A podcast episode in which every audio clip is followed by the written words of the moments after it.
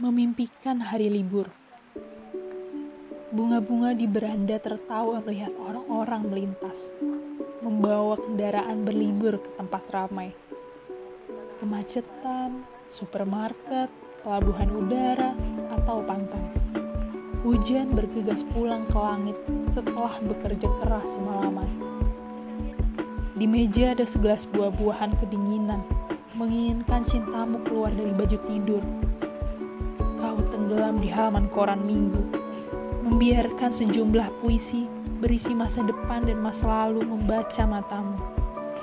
Kau mengenali puisi-puisi itu. Puisi ini meniru mataku.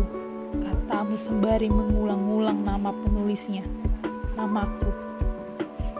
Astaga, kau mengagetkan pagi seperti kota membangunkan kesepian koran dan puisiku jatuh menimpa dan menumpahkan buah-buahan dari gelas yang telah menempuh usia dan perjalanan jauh demi menjilat lidahmu. Aku bangun seperti hujan yang pulang ke langit. Kepalaku tidak berada di tempat yang tepat. Aku berjalan ke kamar mandi bersama potongan-potongan mimpi.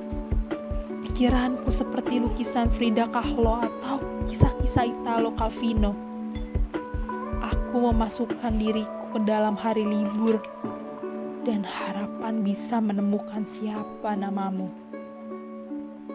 Sejak hari itu, aku tidak bisa tidur lagi. Juga kau dan kesepian barangkali.